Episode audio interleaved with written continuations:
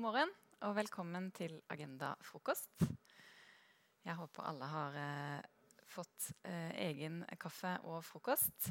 Og er glad for at vi kan ha dette møtet med dere i dag. Eh, vi står midt i en pandemi som ikke bare er en helsekrise, men like mye en økonomisk krise. Eh, og når myndighetene bruker så mye penger som de gjør på å kompensere for virksomheter som har måttet enten stenge eller redusere aktiviteten sin. Eh, og når vi gjør såpass mye for å holde økonomien i gang, så er det mye takket være en britisk økonom som levde for 100 år siden, og som het John Maynard Kanes.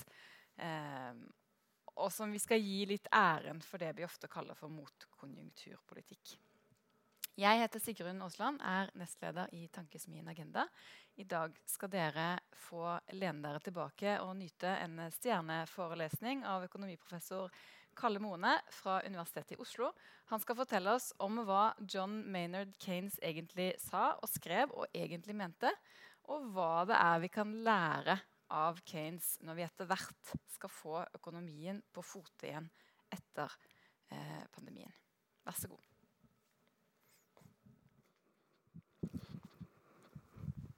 Ja, god morgen, eh, alle sammen.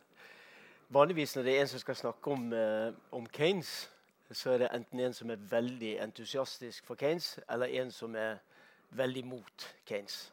Det er liksom aldri, aldri noen som er helt likegyldig. Jeg er ikke så veldig glad i de frelste. Verken eh, de som er frelste mot, eller de som er frelste for noe. Så, og de nyfrelste er som vanlig de aller verste. Ehm, så jeg skal forsøke å si litt om Keynes, og si på godt og vondt eh, hva som er hans eh, perspektiv, sånn som jeg ser det. Det er en veldig mye omtalt økonom, men ofte lite lest økonom. Uh, en leser populære framstillinger av det han mente, og en får en populær oppfatning av det han, uh, han sto for. Og det er ikke alltid de oppfatningene nødvendigvis dekker det han eh, faktisk sa og skrev. Eh, boken hans som kom i 1936 eh, altså Han hadde mange bøker, men den boken som han blir best husket for, som kom i 1936, har en veldig arrogant tittel. 'The General Theory of uh, Employment, Money and Interest'. Og er, den, er, den, er, arrogant i den forstand at det er, så, det er en uh, insistering på at dette er den generelle teorien de andre teoriene som måtte være om disse fenomenene, er ikke så generelle, og hans teori skulle erstatte de gamle. Og For sikkerhets skyld så kalte han alle de gamle teoriene for de klassiske tilnærmingene. Inklusiv de tilnærmingene han sjøl hadde hatt før han skrev boken i 1936. Som alle vet, så var 30-tallet en periode med enormt stor arbeidsløshet etter verdenskrisen i 1929. og Eh, de forplantningene dette hadde langt utover 30-tallet i de aller fleste land. I Norge så eh, var arbeidsløsheten i hvert fall blant de fagorganiserte rundt 20% Det er nok litt høyere enn for landet som helhet. Men det var et, et høyt tall blant de fagorganiserte, for de var spesielt eh, godt organisert i eksportnæringene, som var spesielt rammet av krisen. Eh, men jeg kan liksom tenke på en situasjon der det er kjempestor arbeidsledighet i Norge og i resten av Europa, i USA. I de aller fleste land er det arbeidsløshet. Så det er ikke en sånn genistrek å skjønne det at dette i en slik situasjon der det er masse udekkede behov i befolkningen og og eh, store ledige ressurser som kan, dekke, som kan, settes i sving for å dekke disse behovene. At en skulle komme på ideen at, at en kan stimulere økonomien gjennom offentlige tiltak, enten gjennom skattelette eller direkte prosjekter fra offentlig sektor, som skulle få hjulene i sving. Det, det, er ikke originalt i det hele tatt å ha den meningen. Og det var ikke originalt heller på 30-tallet, for mange hadde akkurat samme synspunkter, akkurat samme ideene. Var, de mange kunne være andre økonomer. De kunne være fagforeningsledere, kunne være politiske entreprenører, de kunne være mer eller mindre originale sosiale reformatorer. De hadde samme ideen, nemlig at vi kunne få, eh, få hjulene i sving ved å stimulere økonomien.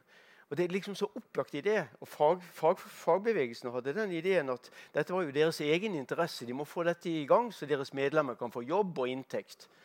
Så, så, det er ikke det som er det originale med, med, Keynes. Det originale med Keynes er å gi en, den type politikk eh, et fundament i økonomisk teori og i de tradisjonelle måtene som økonomer eh, snakker på. Eh, og snakket på også på 1930-tallet. Og, og, også se begrensningene til dette. Advare altså Det som folk ville tenke på som farer ved at, at, at det offentlig stimulerte økonomien. Eh, berolige folk gjennom uh, en, en, god analyse av alle de tingene. Både hvordan eh, sysselsetting, eh, den rollen penger hadde, eh, etterspørselsstimulering, den rollen som skatter spilte, i, rente, investering osv. Så, videre. så det er, det er, det som er bidragende. Så jeg skal snakke litt om dette. Eh, men jeg skal bare først si at veldig mange misforsto Keynes. Og det var ikke så rart, for Keynes kom fra den intellektuelle overklassen i England. Og, og i mange land var det jo relativt konservative regjeringer som satt ved makten. Og de, tolk, de tenkte jo at ja, en som snakket på vegne av de, den intellektuelle overklassen i England, den personen måtte mene det som eh, overklassen mente i alle land. Nemlig at når det var krise, så skulle du spare mer. Måtte være, nå måtte vi være virkelig spare, skulle du få, få ressurser til å få økonomien i gang. Eh, og Det er det stikk motsatt av det Keynes mente. Også i Norge var det den pengepolitiske komité misforsto helt Keynes. Og det var, ble intervenering fra norske økonomer, først og fremst gjennom Ragnar Frisch, som så fikk Keynes til å skrive et brev til pengepolitiske komité, som forklarte pengepolitisk komité, og det var en venstreregjering i Norge på den tiden, Eh, at den tok grunnleggende feil når den argumenterte for at de hadde Keynes på sin side med den politikken de la opp til eh, f.eks. i 1932. Men nok om. Det, det typiske var at, at, at, det var mye vanskeligere å bli kvitt de gamle ideene folk hadde. Særlig de etablerte uh, politiske kreftene. Selv om det var masse folk som hadde uh, lignende ideer til Keynes i eh, interesseorganisasjoner og i blant mer fritenkende folk. Så den etablerte delen av eh, det politiske og økonomiske livet i de fleste land, de, de var, eh, hadde vanskelig for å kvitte seg med de gamle ideene eh, og derfor ta inn over seg det nye. Det er en interessant observasjon og hvordan ideologi spiller en rolle til, som kan motvirke læring i, i dette tilfellet. Eh, hva, eh, som, La meg bare gi et lite riff hva som skjedde så med liksom det keynesianismen, både som idé og over en fram til i dag. Og så skal jeg si litt om boken og så skal jeg si noe om relevansen for eh, den nåværende krisen. Eh, det som skjedde, det var at like etter krigen Eh, det skjedde kanskje også litt før, men, men, like etter krigen så ble dette en veldig oppblomstring av interessen for den kensianske angrepsmåten, som jeg skal forklare litt mer om, et øyeblikk. Så det ble på en måte det establishment. Veldig mye av dette var et utgangspunkt, særlig i en artikkel som John Hicks skrev i 1937, eh, som het 'Mr. Keynes and the Classics', som ble liksom tolkningen av eh, Eh, av Keynes. Eh, en kort versjon som unge økonomer den gangen, eh, og politikere, tror jeg, leste og tenkte dette var det Keynes mente. Alltid bedre med en kort utgave enn en, en lang bok. En kan si mye om den artikkelen, den såkalte ISLM-modellen som John Hicks anbefalte i den artikkelen fra 1937. Men spesielt dekkende for akkurat det som Keynes var opptatt av, er den ikke. Men den kanskje ga noen ideer om hva han hadde. Men den, det som liksom ble den kensianske modellen, var John Hicks og ikke John Maynard Kanes. Um, men dette unge økonomer ble veldig opptatt av dette. Det ble på en måte etablert. Det ble establishment sin teori etter hvert uh, i hele etterkrigsperioden. I hvert fall langt uh, ut på 60-tallet 60 uten mye friksjon. Selv konservative Eh, økonomer og konservative politiske ledere tok om bord disse nye ideene. Eh, så når jeg var student på 1970-tallet, så var dette på en måte det, dette var liksom overklassens. Eller de eh, herskende klassers ideer. Eh, sånn som viser det. Forsvaret for kapitalismen det var liksom at Keynes kunne løse arbeidsløshetsproblemet. Krisene var opphevet. Den ideologien der var veldig befestet i, både i, i økonomi som fag og iblant i det politiske miljøet. Og som sagt så var det også konservative folk som hadde eh, sluttet seg til disse oppfatningene. De, kunne kanskje være litt uenige om hvor, hvor, sterk mekanismen det var. Men at det var sånn som Keynes hadde sagt, at vi kunne stimulere eh, økonomien, vi kunne forhindre arbeidsløshet, og sånn, var det stor enighet om. Selv så konservative økonomer som Milton Friedman hadde i, i grunnholdning en slags keynesiansk grunnmodell når han skulle diskutere samfunnsøkonomien, altså makroøkonomien som helhet. Og eh, det de kunne være uenige i, det var mer, liksom, eh, mer detaljer i, i, utformingen. Men dette var veldig etablert. Eh, eh, etablert angrepsmåte og tenkemåte. Og det etablerte i grunnen faget makroøkonomi, eller ble definert på 1930-tallet som på en måte kensiansk filosofi eller kensiansk økonomi. Detaljene kunne være eh, variasjoner over, men, men, grunnideen var veldig mye det samme. Eh, på 70-tallet var jeg mange, Som alle husker, så eh, eller har lest om i historiebøkene, så um, var 70-tallet en periode med, med, radikalisering av unge folk. Eh, og, og, den radikaliseringen innebar at en var kritisk til keynesianismen. Eh, økonomer som var under utdanning på 70-tallet, var kritisk til uh, Tenkte på dette som et forsvar for status quo og osv. Så, så kom det en reaksjon på, blant uh, mer konservativt orienterte økonomer på 1980- og 1990-tallet som vendte seg mot kensianismen og en, en, en, ledende representant i Norge var Finn Kydland, som fikk nobelprisen. Eh, Lucas i USA var en, en eksponent for dette. Eh, også fikk støtte selvfølgelig av Friedman, og sånn som hele tiden hadde vært det. Men de vendte seg mot det kensianske apparatet. Ikke Litt teoretisk, men, men, også for implikasjonene det hadde. For at, at uh, frykten for at en stor stat for en, uh, At en ikke skulle ha den disiplinerende funksjonen som, uh, som f.eks. arbeidsløshet kunne ha. Det, jeg vet ikke hvilken reaksjon som lå bak. Men de etablerte en helt annen alternativ angrepsmåte, der etterspørselen ikke spilte samme rolle som i det kensianske systemet. Dette varte dominansen, eller som ofte blir kalt for moderne makro. Har mye bra ved seg. Det er masse interessante ting ved, med moderne makro. Men den er i grunnholdning antikensiansk. Samlet etterspørsel som jeg skal si litt om om et øyeblikk, spiller ingen rolle i de modellene, mens det, jo, det var helt essensielt hos Keynes. Um, så I forbindelse med finanskrisen så kommer igjen Keynes på moten. Finanskrisen er 2007-2008 osv. Eh, det har også vært blaff tidligere her, men, men da kommer en slags nyorientering. Men nå er Keynes igjen blitt den radikale. Nå er det venstresiden som liksom forsvarer eh, keynesianismen.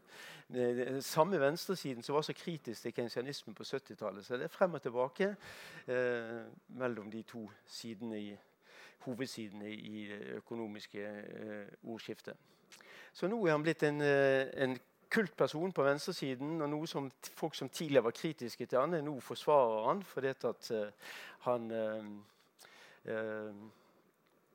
Han er en slags en, en person som kan en, en, måte å tenke på som kan brukes mot establishment. Siden jeg er en objektiv person, så er jeg selvfølgelig ikke berørt av noe av dette. Jeg bare tuller. Eh, er selvfølgelig eh, like mye et offer for skiftende holdninger i, i, i samfunnet som, som, andre. Men det går an å se det litt utenfra. Nå skal jeg fortelle litt om selve boken.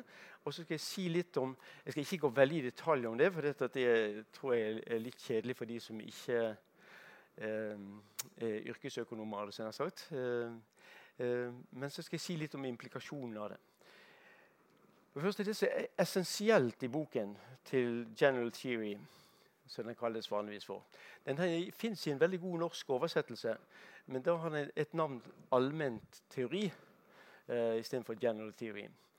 Uh, men oversettelsen er, er, en, er en fin ting.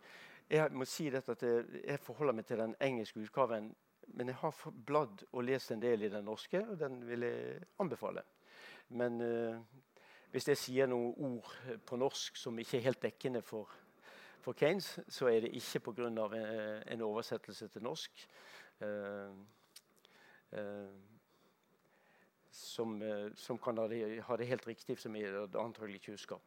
Ok, så det Boka til, til Keynes har tre viktige Den har mange kapitler. 24, tror jeg. Men den har tre viktige bolker, eller, som, sånn som jeg ser den. Det ene er at han har en veldig diskusjon av det som blir kalt for det propensity to consume. Eh, det er eh, det, det er liksom det, hva det som bestemmer den samlede etterspørselen i økonomien. Hvordan virker, eh, hvordan virker samlet etterspørsel på sysselsetting osv. Og, og hvilken rolle spiller sparing og forbruk i den sammenhengen. Og Det som er typisk for, eh, for uh, Keynes sin angrepsmåte her, det er at hvis du i en situasjon der det er arbeidsledighet, forsøker å spare mer, så kan du gjøre vondt verre. Og Det er hele poenget hans i forbindelse med diskusjonen av krisen på 1930-tallet. At, at, en advarsel mot at økt sparing er det som eh, landet trenger. Han, tvert om, jeg må stimulere økonomien. Det er, eh, det er, han har en tankegang at det er, det er på en måte investeringene eh, som skaper nok sparing ved å stimulere økonomien så inntektene går opp. og Da blir det nok nok sparing, så det er plass til disse investeringene som du skal eh, eh, få inn i, i, i samfunnsøkonomien.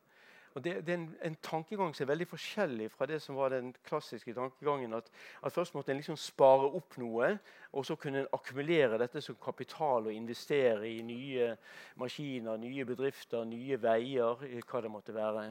Nye helseinstitusjoner, bygge opp velferdsstaten. Nå måtte en liksom spare først, og så skulle en sette dette i, i verk inn i økonomien.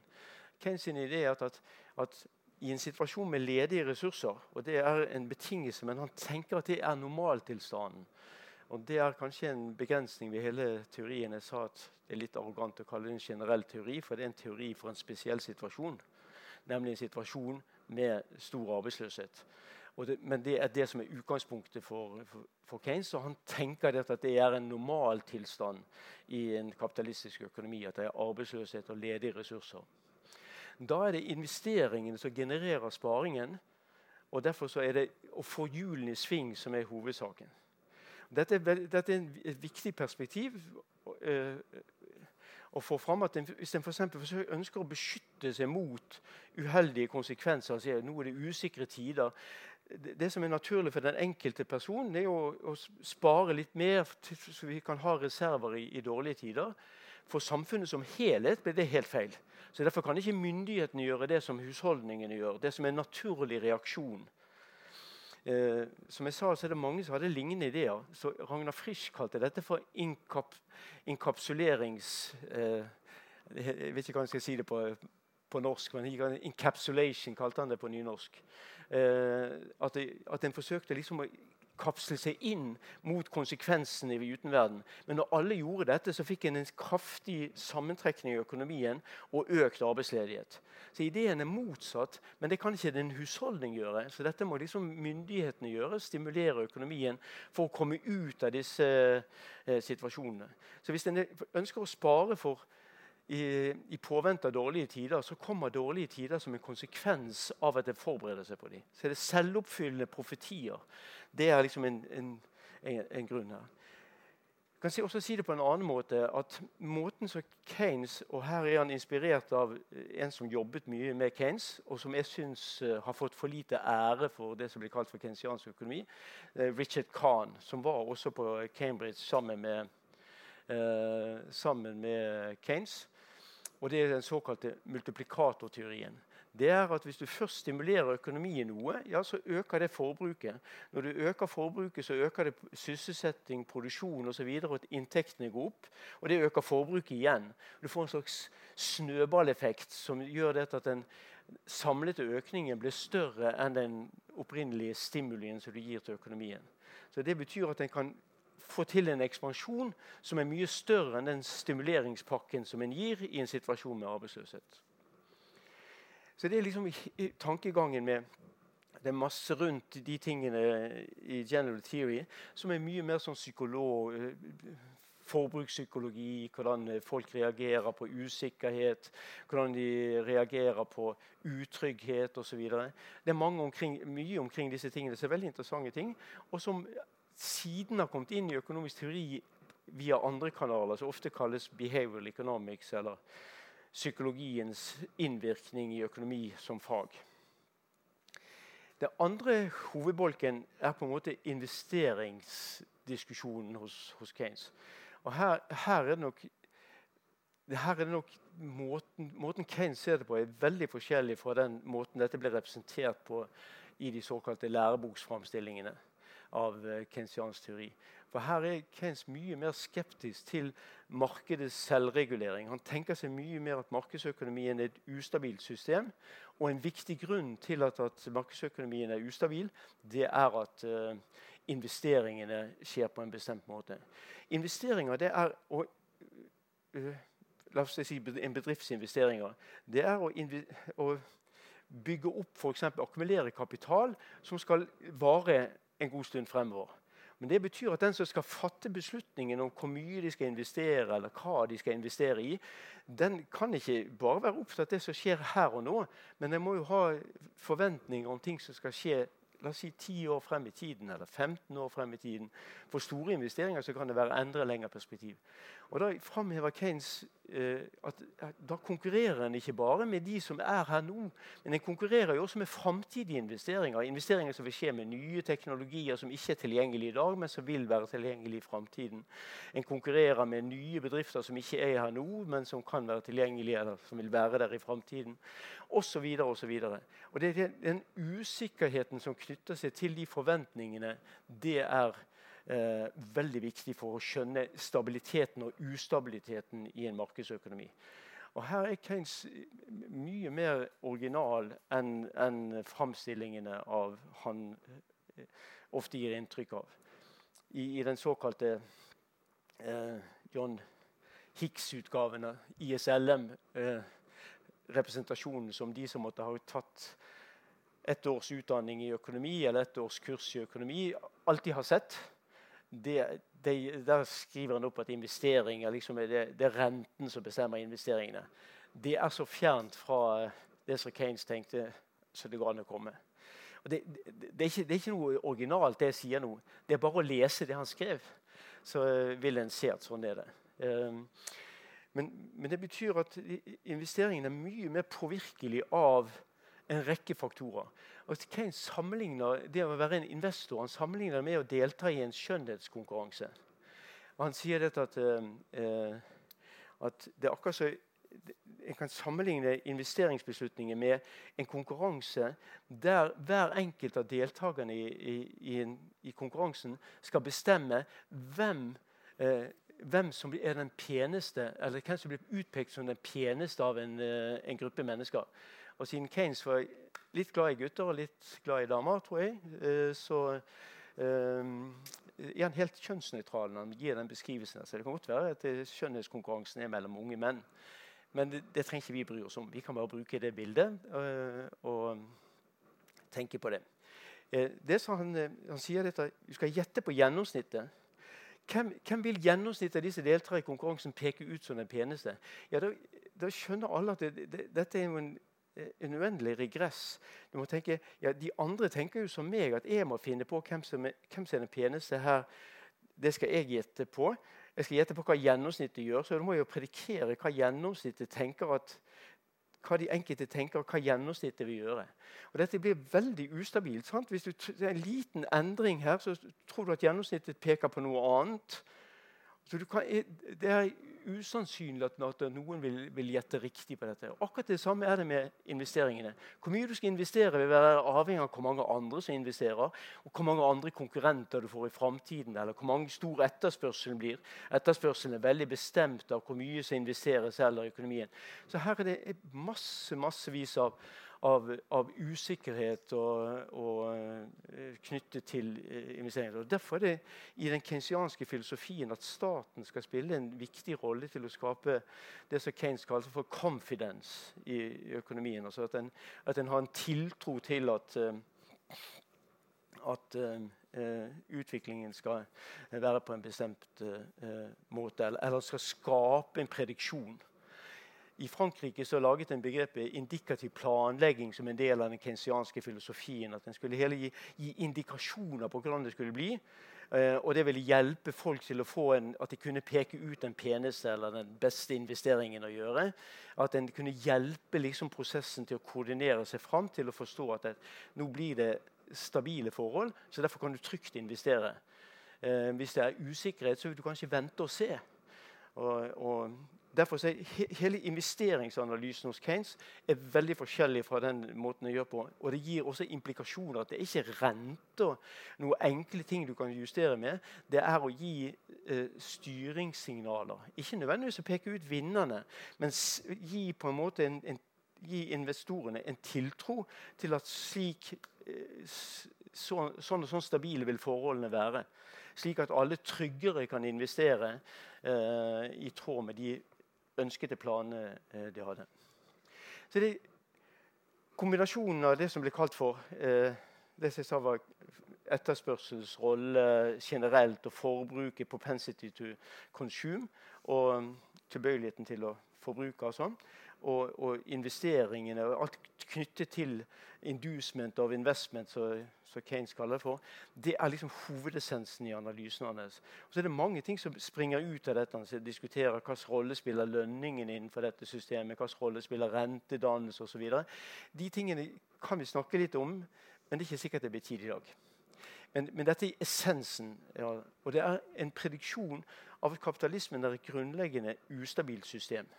Det kan en være enig eller uenig i, men en kan ikke si at Keynes ikke mente det, for det mente han. Det mente Han at var en, han, han, var en slags forsvarer av eller et, et, ønske om å opprettholde et kapitalistisk system, men han tenkte at de trengte en stabiliserende faktor, og det skulle være statens rolle i økonomien. Både som eh, en, en veileder og til å bruke skatte- og etterspørselspolitikken til å gi en stabil utvikling og utnytte ressursene den siste bolken er den, den som jeg syns er minst uh, framhevet. Keynes var veldig eksplisitt i at dette, det at, at en ikke kunne spare først og så investere etterpå uh, At det, det bildet av, av på en måte akkumulasjon av kapital og investering, vekst mer generelt, at det var et falskt bilde. Det betyr at han, Da peker han også på dette vi trenger, ikke, vi trenger ikke stor ulikhet i økonomien. For mange har tenkt at vi må ha stor ulikhet for å stimulere sparing. Vi må ha rentenister som skal spare i økonomien. Der sier Keynes nei, nei, nei, vi, det, kan vi, det kan vi avskaffe. Vi har ikke behov for rentenistene i økonomien. Så her har han et perspektiv på ulikhet som jeg synes veldig ofte er blitt feiet under teppet. Han sier vi trenger ikke den ulikheten som mange har argumentert for. Det kan være Vi trenger den andre grunner, men vi trenger den ikke av denne grunnen for å stimulere sparing. Og Derfor så sier han at når demokratiet kom, så var det mange som så at en kunne liksom omfordele inntekt fra de rike til jevnt over i, i, befolkningen. Og at man kanskje kunne gå enda lenger i denne retningen. Og det sier han, ja. Og vi kan også get, bli, kvitte oss med uh, rentenister som institusjon. Vi kan bruke bankvesenet mye mer. Den troen på at, at du må ha liksom noen egne folk som skal spare først, og så kan vi gjøre gode ting, uh, er et falskt bilde. Og Det syns jeg er blitt undertrykt litt. Det står langt ute i boken, og det står ikke så mye om det. Det står om, det står om blir presentert som implikasjoner av teorien hans. Men det har jo veldig stor eh, praktisk eh, betydning eller forståelse for eh, folk som ønsker å være kensianere. Så får de i hvert fall ta dette perspektivet inn over seg og så at dette har noe med ulikhet å gjøre også.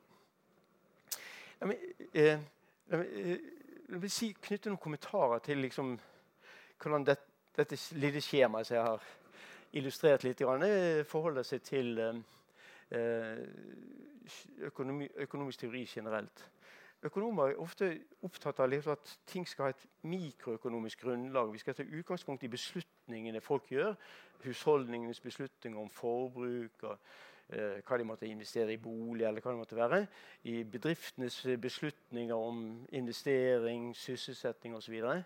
Og en må liksom ha et mikroøkonomisk grunnlag i den forstand at, at en forsøker å gjøre det beste ut av situasjonen. Ofte snakker man liksom maksimeringsatferd. Mens um,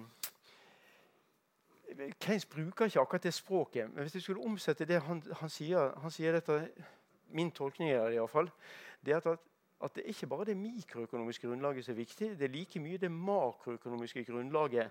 Altså hvordan hele økonomien er, Oppfatningen av hele økonomien har betydning for folks atferd. Og hele økonomien kan være i forskjellige tilstander. I den tilstanden som Keynes framhevet så å si alt han skrev, var en situasjon med eh, for lav etterspørsel, for høy arbeidsledighet, utnyttet, muligheter. I en slik situasjon, det, Dette er et makroøkonomisk grunnlag som har betydning for de mikroøkonomiske beslutningene. Så det er ikke dette at mikroøkonomien ikke er viktig, men mikroøkonomien har også et makroøkonomisk grunnlag. For den vil være veldig forskjellig avhengig av situasjonen alt i i økonomien. Ikke-økonomer vil skjønne dette lettere enn økonomer. For økonomer eh, må kvitte seg litt med kanskje, med en bagasje en har fra eh, sin utdanning på dette området. her. Men, men perspektivet er som jeg sier. Det, at, at, mikroøkonomi har et makroøkonomisk eh, eh, grunnlag. For det er slik at Hvis økonomien kan være i forskjellige ubalanser, så er det mange problemer som tradisjonelt ikke er dypt analysert i, i mikroøkonomiske analyser. som Eh, det er mange problemer som ikke, normalt ikke opptrer i de situasjonene, som opptrer fullt og helt. F.eks. hva gjør en bedrift som har salgsvansker?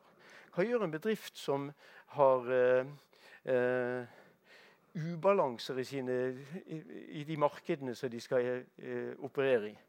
Hvis en har et, et, et, et, bilde av økonomien som et, bilde som har en balanse, av, uh, balanse i alle retninger som vi ofte vil finne i enkelte tidligere mikroøkonomiske analyser, ja, så, så, har han forenklet det mikroøkonomiske grunnlaget til å være uh, mye mer problemfritt.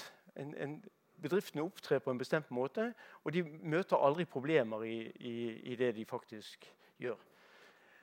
Så det er det ene, At en, må ha et mer, mer, samspill mellom å forstå økonomien som helhet og forstå den enkelte beslutning. Og det samspillet mellom dette, for det er jo summen av, av de mikroøkonomiske beslutningene i makroøkonomien.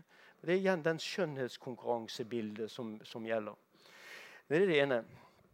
Eh, det, eh, det, andre eh, er at noe av kritikken mot eh, kensiansk filosofi. At en, at en liksom kan eh, eh, At en kan stimulere økonomien. Det sier folk, ja, men eh, Aktørene har rasjonelle forventninger. Ja, Vi har rasjonelle forventninger, og da er det slik at hvis du stimulerer dem, så vet de at siden hen kanskje så må du øke skattene, eller du må, du må gjøre eh, ting for å finansiere den stimuleringen eller betale tilbake statens gjeld. eller hva det måtte være. Og, og det har aktørene eh, fornuftige eller rasjonelle forventninger til. De gjennomskuer at dette vil skje.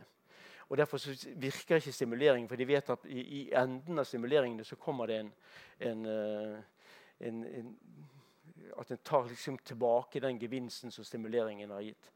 Dette er et helt uh, feil bilde for sånn som Keynes tenkte. Det kan være noe i å ha rasjonelle forventninger. Det er ikke det som er poenget. Men poenget er at han, folk som argumenterer for rasjonelle forventninger som en begrensning for muligheten for økonomisk politikk, de tar alltid utgangspunkt i at det er klarerende markeder. At det ikke er noe arbeidsledighet. At, ikke, at markedene klarerer det tilbudet lik etterspørsel, og at prisene spiller en veldig sentral rolle i å få til balanse i alle markeder. La oss si at prisene ikke justerer seg på en sånn måte som det er god grunn til å tro at de faktisk ikke gjør. eh, altså, at det er ubalanse og ledighet, sånn sa, da vil rasjonelle forventninger det vil jo stimulere til at den kensianske politikken virker. Ikke at den ikke virker, sånn som mange tror. Hvorfor det er slik? Jo, hvis du tror at du, du, du kommer med en stimuleringspakke for å få hjulene i sving, eh, f.eks. i forbindelse med finanskrisen, så var det enkelte land som eh, var ganske ekspansive i sin politikk for å få hjulene i gang igjen etter, etter krisen. Ja, Hvis du da har fornuftige forventninger av hvordan den politikken virker, så skjønner du jo det at den leder til ekspansjon. Og hvis den leder til ekspansjon, ja, så har du enda sterkere incitamenter til å investere sjøl i din bedrift eller i din virksomhet. Og Det betyr at rasjonelle forventninger i denne forstand vil stimulere til økt aktivitet i, i stedet for uh, uh, til uh, at, at, at, politikken ikke virker.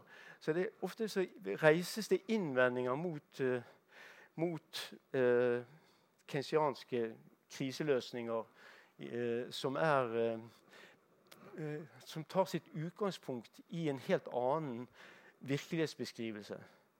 Og, og Rasjonelle forventninger er det ikke noe galt med. Det kan folk godt ta. Det vil tvert om stimulere økonomien mer enn begrense den kensianske politikken.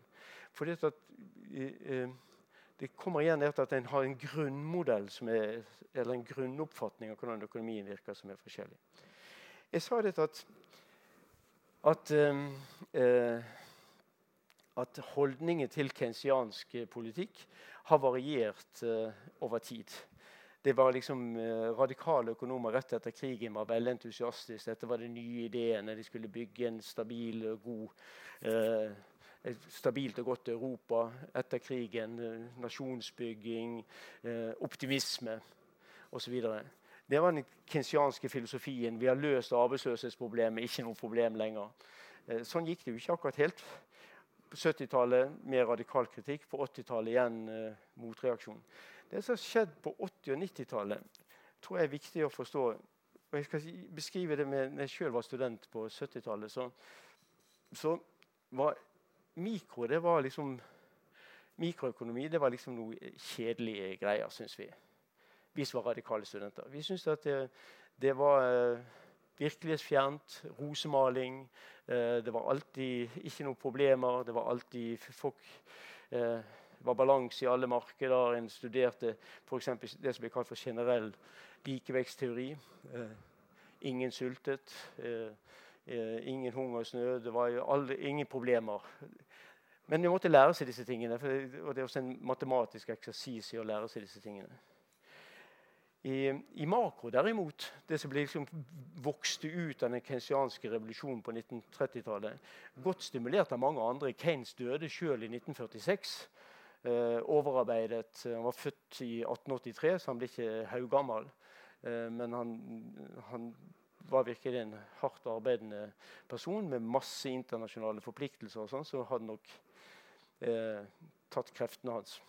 Okay, eh, men det som vokste ut av den kensianske revolusjonen, det var liksom en, en, makroøkonomi der det var forventninger spilte en rolle. Det var akseleratorer, hvordan disse tingene, ustabiliteten i markedet, multiplikatorer, eh, hvordan krittrasjonering kunne virke. Det var liksom det apparatet makroøkonomi drev med når jeg var student.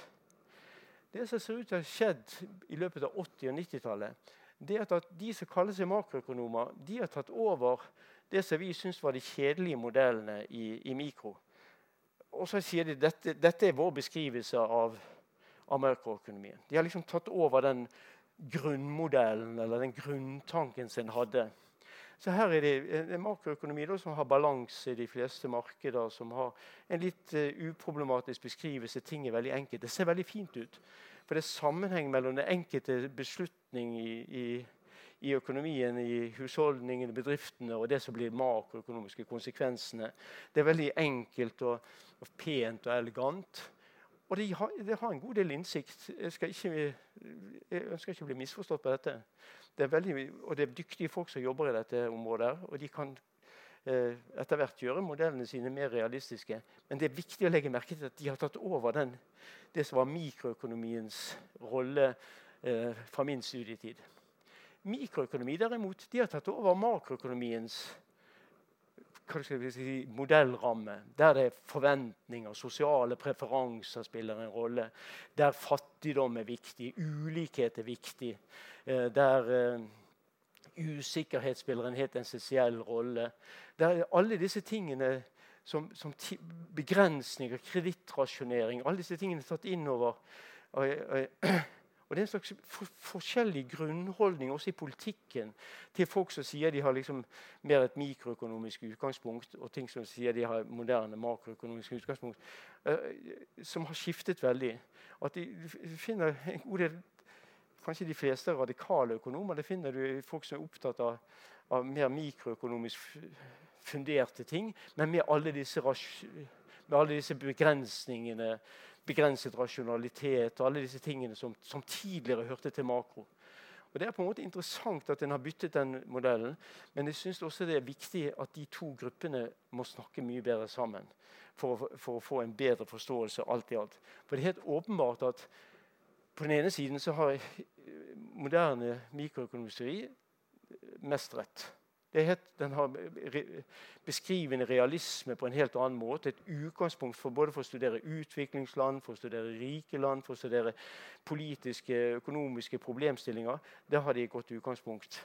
Eh, tror jeg. Historiske analyser En kommer ikke noen vei uten at en har den type tilnærming der som er mer komplisert sosial atferd. Samtidig så har moderne makro en veldig godt utgangspunkt i at det er konsistens mellom eh, mellom atferden i, i, mikro og atferden for hele økonomien. Men er, den konsistensen er overdrevet, for den er forenklet for mye. Så Derfor så går en glipp av det som er det viktigste sånn som jeg ser det, essensen i, i keynesiansk tilnærming, nemlig at at, har, at mikroøkonomisk atferd har en makroøkonomisk grunnlag, og en må studere de to tingene sammen. Hva er betydningen av dette her for, for eh, dagens problemer? Ja, for det første så, så, har nok den optimismen som preget etterkrigstidens keynesianister, altså de på 40-, 50-, 60-tallet, som mente at alle problemene var løst Nå hadde en, eh, nå hadde en gode eh, en god forståelse hvordan en skulle stimulere økonomien ut av arbeidsløshetsproblemer. Den optimismen har forsvunnet i alle leirer, tror jeg. Og det er god grunn til det. For det er mye mer komplisert. Det er mye mer eh, politisk eh, sammenheng mellom politikk og økonomi som er mer komplisert. Ikke minst så er det eh, åpenbart at hvis en hele tiden eh, kan stimulere til å være i full sysselsetting, så kan en ha eh, noen økonomier kan i hvert fall oppleve disiplinproblemer. at uh, Arbeidsløsheten har ikke den disiplinerende effekten på eh, grupper i samfunnet som det ellers ville hatt. Og det opplever eh, en del av establishment som et problem. og Derfor så vil de ikke følge en slik politikk. For da blir arbeidstakerne f.eks. oppgangstrøtte, og de vil kreve mer. så det er vanskeligere å beholde den Eh, si, klassedelte økonomiske økonomisk utvikling når du hele tiden kan garantere folk full sysselsetting, samme hva de gjør. Er det noen problemer i økonomien, så vil det alltid eh, eh, staten ordne opp. Og For det andre så er det åpenbart at staten er på en måte i kensiansk analyse er for løsrevet. Den er, for, den er, ikke forstått som en del av hele økonomien, der interessegrupper påvirker staten. Det er klart at En kensiansk politikk er jo veldig åpen for lobbyisme er veldig påvirket. Si, det er alltid en god kensiansk grunn for ethvert prosjekt. Det kan jeg merke seg. Det er alltid en god grunn, og det betyr at lobbyister kan bruke den, den eh, Med en filosofi av kensiansk type så vil lobbyister ha et godt inntak i de politiske prosessene. Men det aller viktigste er det trolig at, at ikke alle krisesituasjoner er kensianske. Ikke alle krisesituasjoner ubalanser med arbeidsledighet nødvendigvis eh, kommer nødvendigvis av for lav samlet etterspørsel. Etterspørsel vil som regel alltid eh, eh være en viktig faktor i, i, i, i, makroøkonomien, men det kan være andre tilleggsproblemer. I dagens koronakrise så har vi jo en sammensetning av masse problemer. Sånn noen sektorer i økonomien er nedstengt av hensyn til smittevern. Det har ingenting med økonomiske problemer å gjøre. Det er Av helsemessige grunner er de nedstengt. Vi er antagelig i et sånt lokal i dag. Det er ikke så veldig mange folk her. Eh, og vi vet grunnen. Så noe er nedstengt av den grunn. Men det har selvfølgelig implikasjoner for andre sektorer som ikke trengte være nedstengt. Vi gjør mindre av, av noen ting. Eh, eh, vi, vi, reiser mindre. Av, av smette, selv om det var lov, så vil vi reise mindre. Men vi gjør det har konsekvenser for andre ting som vi gjør. Men den viktigste grunnen er at det hjelper ikke å stimulere etterspørsel. Denne, det stedet vi er på her, ville ikke åpne samme om etterspørselen var aldri så høy. Så lenge smittevernsituasjonen er, er så nær. Men, men, det betyr jeg bruker bare det som et bilde. at Det kan være mange ubalanser. og En kensiansk politikk av den enkle sorten vil ikke løse alle problemene. Men kanskje en kensiansk filosofi er at, at, at en skal ha en stor privat sektor, men som en privat sektor som skal, som skal stimuleres på forskjellige måter, avhengig av hva problemet er. Det vil være en, en uh, naturlig uh, tilnærming. Men det er ikke sånn at dagens situasjon for eksempel, at det bare har med etterspørsel å gjøre. Mange grupper, eh, mange grupper i, i, både i Norge og i andre land har, har høy tvungen sparing. Altså de ville, de ville bruke de hadde egentlig ønsket å spare mindre enn de gjør faktisk nå, men de kan ikke bruke sine inntekter på det de har mest lyst til å bruke det til, for de tingene er nedstengt. De ønsker å reise på ferie i Syden, eller de ønsker å eh, bruke det til eh, flotte restaurantbesøk. Men det ikke det er mulig, ja, så har de ikke åpenbare andre alternativer som de syns er like gode. Så de sparer mer enn de ellers ville gjort. Og Det er et element av tvungen sparing som, som jeg vil se konsekvensen av når, når uh, helseproblemene en gang er over i løpet av kanskje, får vi håpe, uh, neste år. Men det betyr at det er mange ubalanser samtidig.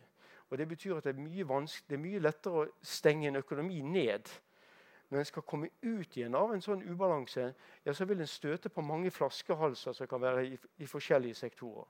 Skal du ekspandere her, ja, så, så, må også etterspørselen fra utlandet være stor. Skal du få eksporten i gang igjen, ja, så er det forholdene i andre land som betyr noe. Skal du få tak i de innsatsfaktorene du trenger for å produsere forskjellige ting i ulike land, ja, så må det også være gode markeder som fungerer her. Så det, det er mye lettere å stenge ned enn å bygge opp. Bygge opp, Da må du liksom løse alle flaskehalser på en gang. Og få økonomien ned på et lavt nivå, da er det nok at det er én bindende flaskehals. Da får du det ned, hvis det var det du ønsket. Men å få det opp igjen er, er virkelig mye, eh, mye, vanskeligere. Og det kommer vi til å se. så Derfor så vil jeg, jeg vil si litt om at det er den, denne kensianske filosofien mer enn den kensianske modelltradisjonen som er viktig. Det er å skjønne det at, at de selvregulerende mekanismene i en markedsøkonomi er gode, men de er ikke gode nok. Er, de trenger hjelp, men de trenger ikke å bli helt overtatt. Husk at dette kensianske prosjektet passet som hånd i hanske for sosialdemokratiet. Det passet som hånd i hanske for sosialdemokratiet. For sosialdemokratiet skulle oppnå sosialistiske mål i en kapitalistisk økonomi. Det var sosialdemokratiets grunntanke. Og dette var jo helt perfekt. En kunne styre indirekte ved å gi incitamenter for å investere.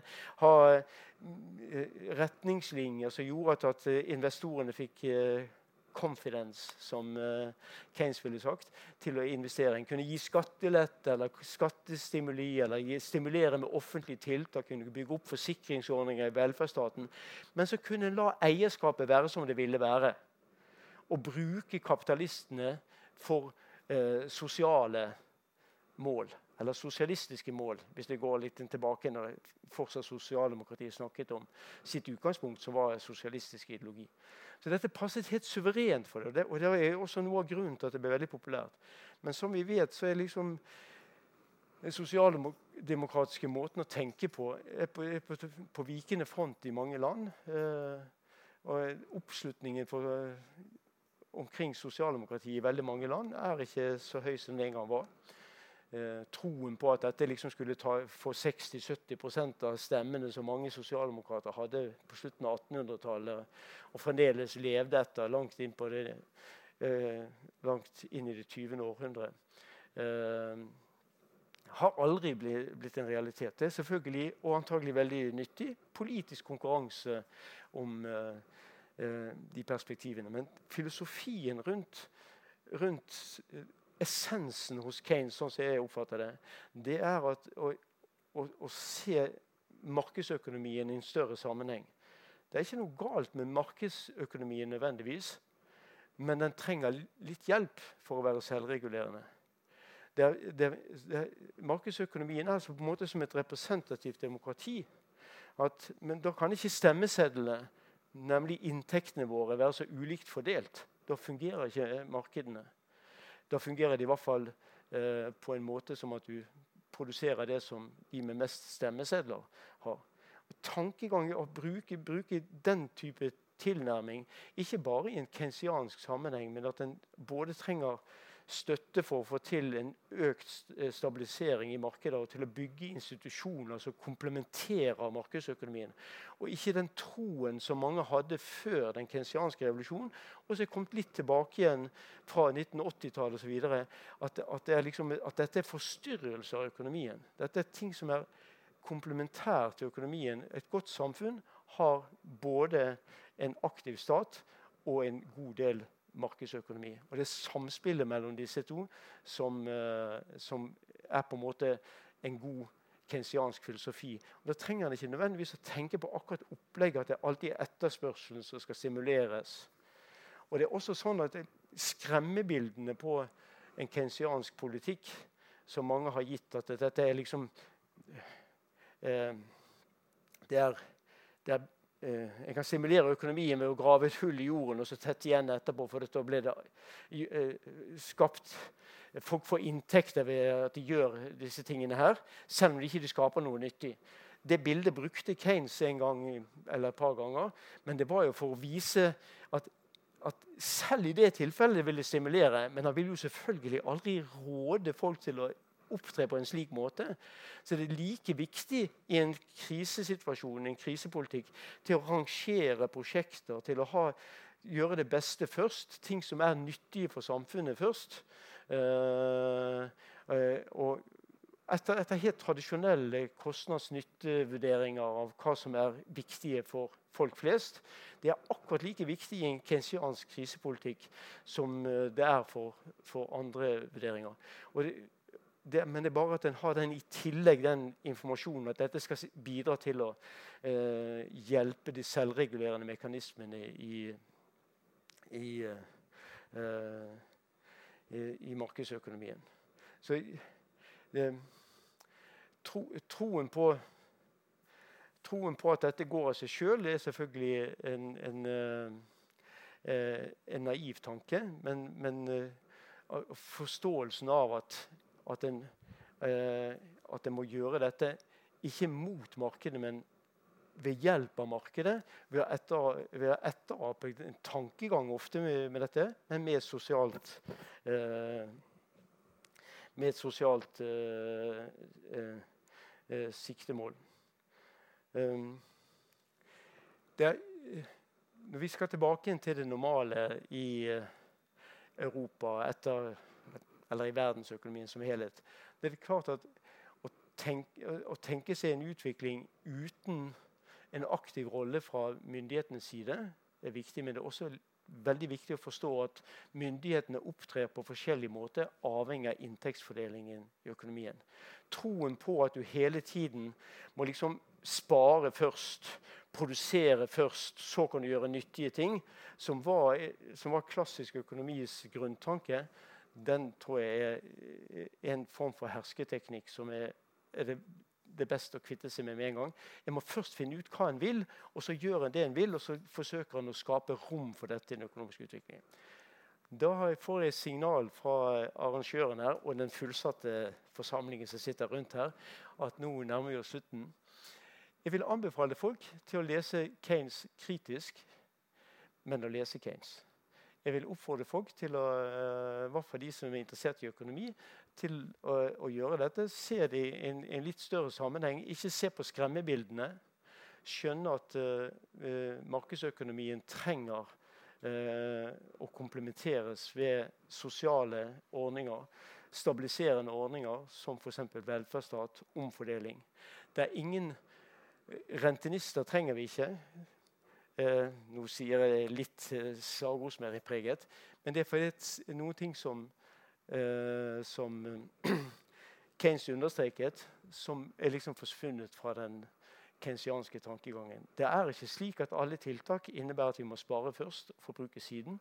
Mange tiltak er slik at vi må gjøre det vi ønsker å gjøre i, i, i, å få økonomien tilbake på fote. Og så må en skape rom for dette. Enten hvis det er ledige ressurser, så kan, så kan det gå av seg sjøl.